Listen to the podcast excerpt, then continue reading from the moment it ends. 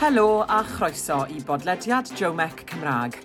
Fi yw Sian Morgan Lloyd o'r Ysgol Newydd y Direth y Cyfryngau a Diwylliant ym Mhrifysgol Caerdydd.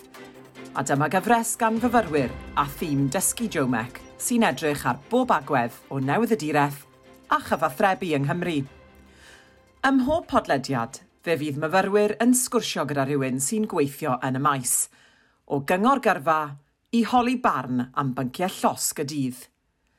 Yn y benod hon, mae Jess Davis, cyflwynydd, model a dylanwadwr cyfryngau cymdeithasol yn sgwrsio gyda Molly Sedgmo, myfyrwraig newydd y direth a chyfathrebu. Mae Jess yn wyneb cyfarwydd i gynulleidfaoedd BBC 3 a hans ar lwyfannau S4C. Ac yn y pod yma, mae hi'n trafod i phroffil ar y cyfryngau cymdeithasol, i thymladau am weithio fel menyw a ffeminist yn y cyfryngau, a sut ymateb mae'n cael yw barn hi ar-lein.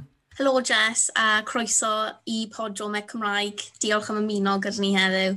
Helo, diolch am cael fi. Felly i ddechrau te, hoff yn holi ychydig am eich cefndir. Allwch chi amlinellu eich penderfyniad i draws newid o'r byd modelu i yrfa yn y cyfryngau a chyfryngau cymdeithasol? Wel, es i dechrau modelu pan o'n i'n 18, so o'n i'n rili really ifanc, Ac um, oedd fel um, cyfryngau cymdeithasol yn eitha newydd, so aeth um, dilynwyr fi just tyfu yn really organic. A wedyn, oedd kind of modelu fi, oedd dim lot o gwaith, i bod yn onest, yn, yn y modelu. Ac o'n i just fi'n hoffi siarad, fi'n hoffi siarad i bobl a straeon diddorol, so o'n i just really eisiau cwrdd â pobl. Ac eis i wneud um, seisioleg yn prifysgol, so oedd just gen i diddordeb mewn straeon pobl, so dyna pryd eis i dechrau penderfynu mynd mewn i'r kind of uh, cyflwyno a wneud mwy o pethau ar gyfryngau cymdeithasol? Gan ffocysu yn gyntaf te ar eich dylanwad ar gyfryngau cymdeithasol, hoffwn ddeall beth wnaeth denu chi i swydd ar-lein a hynny yw gweithio fel influencer neu dylanwadydd. Fi'n meddwl fi jyst ar, um, ar y cyfryngau cymdeithasol literally trwy'r amser, trwy'r dydd, mae screen time fi yn awful. so, i, mae fe'n rhywbeth fi efo diddordeb mewn anyway, Ac o'n i'n teimlo bach fel, o'n i'n just yn consuming gyd o'r cynnwys ma. Ac o'n i fel, wel, fi'n fi gwario gymaint o amser ar Instagram ac nawr TikTok, ni fel, wel, surely dylai bod yn creu cynnwys, so dyna pam o'n i eisiau gwneud e. Ac hefyd, mae fe just, yr amseroedd ni mewn naw, fi'n meddwl mae'n rili really bwysig os ti'n busnes, neu os ti yw'r busnes, i fi, fi ydy'r busnes i fi, mae fe'n really bwysig i cael, you know, y lle ar-lein i just dangos dy busnes neu dangos dy personoliaeth. Yn amlwg te mae diwrnod rhyngwladol menywod newydd di bod, felly fel menyw yn llygad y cyhoedd, sut mae byw bywyd ar-lein? Mae fe'n rili really galed fi'n teimlo i bod yn fenyw a bywyd ar-lein, yn wedig fenyw sydd yn eitha tyma, opinionated, achos dwi'n meddwl mae'r media as a whole ac hefyd just pobl ar-lein, so nhw'n hoffi fenywod sydd yn siarad mas yn dan popeth a cael lot o farn. Um, so mae fe'n galed achos pryd fi'n rhoi rhywbeth mas, mae lot o kind of pushback, and fi fel, this isn't a debate, fi just yn dweud be fi'n teimlo, mod, fel mae ddynion gallu wneud, ac hefyd ar llaw arall, um, mae fe'n really galed fi'n teimlo bod fenyw a ferch ifanc ar-lein a just weld, wedig ar Instagram, um, just weld yr delwedd a teimlo bod mae rhaid i chi edrych rhyw ffordd ac you know, edi, um, neud edis ar lluniau ti, neu defnyddio filters. So fi'n teimlo, ie, yeah, mae fe yn lle rili really galed i actually byw ar-lein, byw, byw bywyd ar-lein. Ie, yeah, union. A gwybod, ar hyn o bryd mae lot o drafodaethau yn mynd ymlaen ynglyn â chyfweliad Meghan Markle ac ymateb Piers Morgan.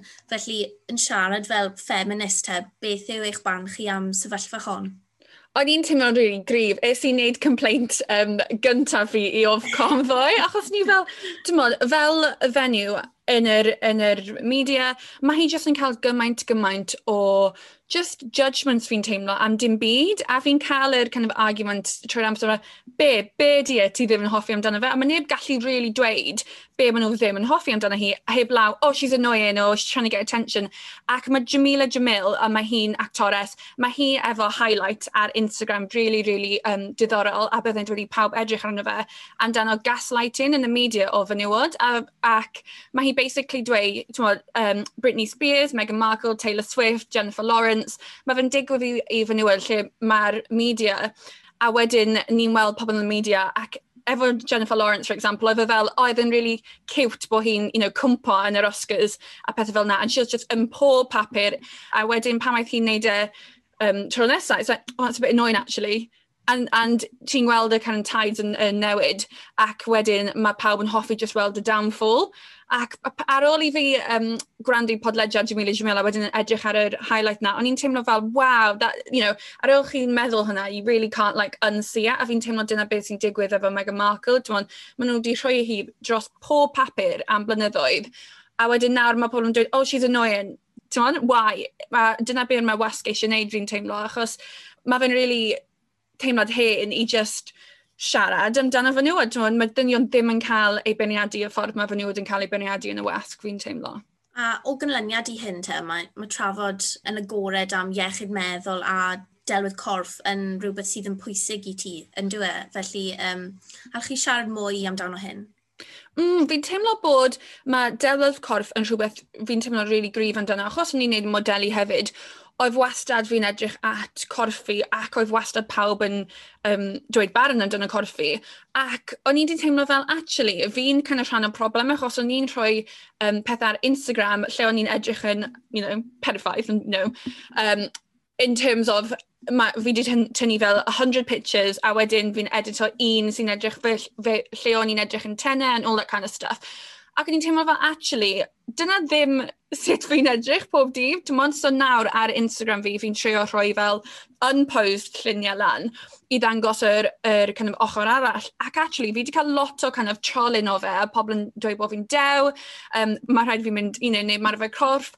Ac i fi, o'n i'n dweud, mae'r ma, peth doniol ydy, dwi wedi bod yn edrych fel hyn am spel, am blynyddoedd, o'n i just ddim yn dangos yr ochr gwahanol. So fi'n teimlo mae fe'n really bwysig, a mae hwnna'n bwyd i mewn i'r kind of um, sgwrs amdano iechyd meddwl, achos fi'n meddwl mae yna lot o pwysau, yn wedig ar uh, fenywod, i edrych yn perffaith ac i behafio yn perffaith, ti'n modd, fel dim, dim cael lot o farn ac, um, you know, don't step out of line a pethau fel na. So fi'n teimlo mae fe'n, um, yeah, sgwrs really bwysig i gael amdano iechyd meddwl ac wedyn uh, delwedd corff hefyd. Ie, yeah, diddorol mae influencers felly wedi cael eu beirniadu yn y misoedd diwethaf ynglyn â'i hagwedd tuag at torri cynllawiau llywodraeth gyda cynllawiau coronavirus felly. Yn eich barn chi, os dyletsoedd gyda influencers i ymddwyn fel rôl model a blaenoriaethu lles y cyhoedd? Ie, yeah, fi'n teimlo mae fe bach yn Mae yna lot o beirniadu amdano influencers, ond maen nhw jyst yn gwneud swydd ac yr amser ni'n byw mewn, mae pawb ar cyfryngau cymdeithasol a mae pawb yn creu cynnwys a chi'n cael ei dalu i creu cynnwys. So fi'n teimlo fel, ie, yeah, mae yna bach o cyfrifoldeb i wneud, you know, i bod yn um, responsible amdano beth chi'n rhoi ar-lein, ond hefyd fel lot o pobl ar-lein, so chi'n gofyn am lot o dylunwyr, ti'n meddwl, lot o times mae fe jyst yn digwydd, so, ie, yeah, fi'n meddwl mae fe'n really bwysig i kind of meddwl amdano be chi'n postio, ond hefyd ar pawb i just deall dyna'r byd nawr, ti'n ma? Yn ogystal â'ch gwaith ar cyfryngau cymdeithasol te, ydych chi wedi gweithio gyda uh, enwau mawr yn y diwydiant fel S4C a BBC. Sut mae gweithio gyda sefydliadau newyddiadurol yn cymharu i waith cyfryngau cymdeithasol? Ie, yeah, dwi'n dwi caru gweithio efo kind of Sianelia, S4C a BBC, achos fi jyst yn hoffi bod ar flaen y camera, so pan fi'n gatre, so fi'n dda iawn. Wel, dwi jyst yn flat, so I'm really kind of like limited i be fi actually gallu tynnu llun, ac fi'n byw ar ben fy hun, so mae fe'n neis i actually cael kind of camera equipment professional a pethau, ond fi'n hefyd meddwl ar y flip side, pa maeth i'r pandemig digwydd, oedd dylanwadur un o'r you know, swyddi gallech chi wneud o gatre straight away, so mae fe, yeah, mae fe'n gwahanol, ond fi'n hefyd meddwl mae yna positives i'r ddau ochr. Ie, yeah, greit. Mae myfyrwyr Jomec te wedi dysgu am bwysigrwydd delwedd brand personol yn y byd marchnata a chyfryngau cymdeithasol. Os gennych chi unrhyw gyngor i nhw sydd eisiau adeiladu dilyniad ar gyfryngau cymdeithasol a sefydlu enw da yn y diwydiant? Fi'n meddwl jyst yn bod yn organic ac authentic i, i ti a be ti'n hoffi, neu am brandu, dim ond. Um, I fi, fi'n teimlo fel, o'n i'n postio lot am blynyddoedd. Ond oedd dim kind of, you know, oedd e just llun. A nawr, am, yn y blynyddoedd, wel, y blwyddyn diwetha, really, fi wedi bod yn postio amdano fel delwydd corff iechyd meddwl, a uh, feministaidd, a just pethau fi'n teimlo'n grif amdano, a dyna lle mae engagement fi wedi tyfu, a dyna lle fi wedi cael lot mwy o kind of gwaith trwy brands neu y Sianeli hefyd, achos fi'n wneud rhywbeth fi'n passionate amdano a mae pobl gallu gweld, so dyna bydd kind of tips fi i just... Mae fe, yn, mae fe yn cymryd amser, ti'n modd, so'r swydd yn dod a, a kind of brands a, a tyfu platform ti, ond os ti'n bod yn authentic i be ti'n hoffi, bydd pobl gallu gweld hwnna hefyd. So ie, yeah, bydd hwnna'n tip fi. rydych chi wedi diffinio eich hunan fel feminist cyflwynydd a blogiwr yn y drefn honno, allwch chi siarad am sut mae glynu at eich egwyddorion wedi adlewyrchu yn eich gwaith a llwyddiant chi yn y diwydiant? fi'n meddwl ma'n yn really bwysig i just sefyll amdano rhywbeth um, ac hefyd dyna eto be fi'n cael trwy kind of brands yn message o fi yn gofyn amdano neu gwaith neu gychwynnig i nhw um, ac hefyd pan fi'n neud kind of y cyflwyno mae rhaid i chi wneud lot o kind of pitching syniadau i'r Sianeli ac i'r cwm cwmnioedd ac os ti efo kind of rhywbeth chi'n really teimlo'n gryf drosto bydd, hwn, bydd nhw'n edrych at hwnna a gweud, ie, yeah, ti'r person i siarad amdano hwnna, a ti'r person i wneud cynnwys, ni creu cynnwys amdano nhw. So fi'n fi meddwl mae fe'n really bwysig i cael, you know, morals, ond hefyd cael rhywbeth ti'n teimlo'n pwysig amdano. A paid i bod yn ofyn i siarad amdano rhywbeth, fi'n teimlo, mae lot o pobl yn meddwl, achos chi ar-lein, um, a chi eisiau bod yn yr byd, kind of, um, yn yr was, yn yr media, ti'n teimlo bach fel, oh, I won't, you know, these views are my own, I won't say anything too kind of... Um, fi di ffeindio mas fel, actually, dyna lle fi'n cael gwaith yn dweud just views fy hun, achos um, dyna be mae pobl eisiau gweld. Maen nhw eisiau gweld authenticity a maen nhw eisiau gweld rhywun sydd yn teimlo'n passionate amdano rhywbeth maen nhw'n neud a dim just yn sefyll ar y ffens. Ie. Yeah. Ac yn amlwg te, mae ganddo ti lot o brofiad um, ar draws y cyfryngau a chyfryngau cymdeithasol ydych chi'n mwynhau un yn well na'r llall? Os yna rhywbeth chi'n rili really hoffi neu'n lico wneud? Fi'n really hoffi TikTok nawr. O'n literally allai cymryd spell, like literally two, three hours, and I'm like, oh my gosh, ar y TikTok. Ond mae fe yn gwaith galed, fi wastad yn meddwl, right, fi'n mynd i really canolbwyntio ar TikTok fi a creu cynnwys. Ac wedyn meddwl amdano be chi'n creu, achos maen nhw'n dweud dylech chi wneud tri TikTok pob dydd at least. A ni fel, mae hwnna actually lot o gwaith, so mae fe yn really galed i tyfu um, TikTok ti in terms of creu cynnwys trwy'r amser, ond fi yn really hoffi'r platform. A mae fe just yn ffordd gwahanol like, you know, 15 seconds, 30 seconds o just gwylio cynnwys. Fi'n teimlo fel Instagram, fi yn hoffi fe, a dyna probably y platform fi'n defnyddio lot am gwaith, ond mae fe'n ma fe gallu bod bach yn boring achos chi just yn scrollio a mae fe llun ar ôl llun ar ôl llun, whereas TikTok it's like 50 minute burst a chi gallu weld personoliaeth rhywun mwy. Great, felly i gloi te, rydych chi wedi sôn yn y gorffennol am y cyfleoedd mae bod yn doieithog wedi creu chi sut ydy'r iaith Cymraeg wedi helpu yn eich gyrfa? Mae'r iaith Cymraeg really wedi helpu fi yn gyrfa fi. Fi wedi gwneud lot i hand siar S4C ac um, S4C hefyd. A ni jyst yn teimlo fel, mae fe'n rhywbeth, mae fe'n rhywbeth really special i gallu bod yn dwyieithog a gwybod um, iaith gwahanol ac mae hans wedi bod yn really, really helpu fi. Achos so, you know, so iaith fi'n perffaith um, ond maen nhw really yn rhoi chance a maen nhw actually just yn gweld bod mae fe'n bwysig bod mae pobl ifanc yn siarad Cymraeg. So fi'n really gwerthorogi hwnna. Ond ie, yeah, fi'n meddwl yr er, ffact bod fi'n siarad Gymraeg really wedi agor drysau fi so fi'n really yeah, proud o gallu siarad y iaith. Byddwch chi'n annog pobl felly i mynd ati a cael profiad yn y, yn y iaith Cymraeg, hyd yn oed os nad yw e'n iaith gyntaf nhw te.